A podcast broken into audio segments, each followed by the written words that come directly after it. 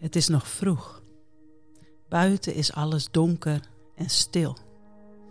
Op mijn sloffen kom ik de woonkamer in en ik doe de kerstlampjes aan. Oh, het is nog wel fris. Ik kijk op de thermostaat, 18 graden.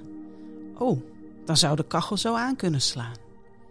Ik loop door naar de kaarsen, want ik weet, als de kaarsen branden, komt er ook warmte in de woonkamer.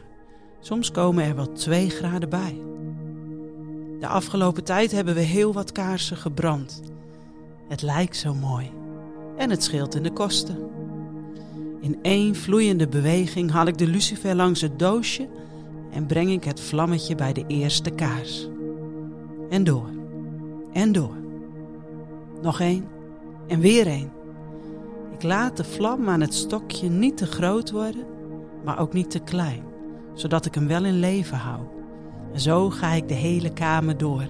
Met een 7 centimeter lucifer weet ik 12 kaarsen aan te steken. Dan blaas ik de vlam, die nu wel gevaarlijk dicht bij mijn vingers komt, uit. En ik kijk de kamer rond.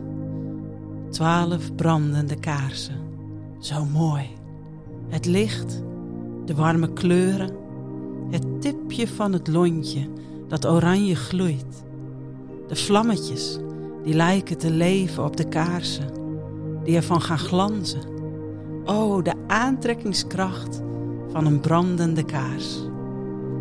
Alsof die inmiddels uitgeblazen lucifer opnieuw door het vuur wordt gelokt. Even nog weer in de brand steken met de vlam van de kaars.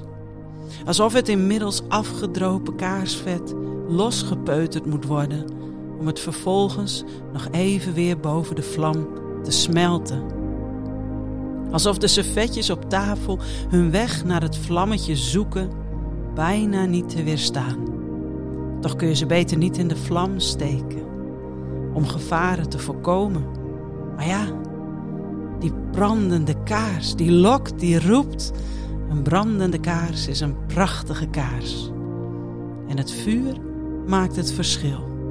De vlam fascineert, verlicht en verwarmt. De vlam brengt de kaars tot leven. En de kaars gebruikt alles wat ze is, wat ze heeft en waar ze staat in de tijd om deze vlam zijn licht te laten verspreiden. De vlam verteert de kaars. En zo bekroont hij haar bestaan. Zonder vuur geen glans, geen licht, geen warmte, geen leven. Kijk eens terug door de maanden van 2022. Welke vlam heb jij hoog gehouden in je leven?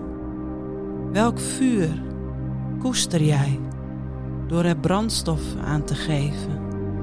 Je tijd, je aandacht, je energie, je liefde, je bestaan. Heeft het licht van de wereld jouw hart aangestoken? Is Hij het die jouw pad verlicht? Is Hij het naar wie jij jouw leven richt?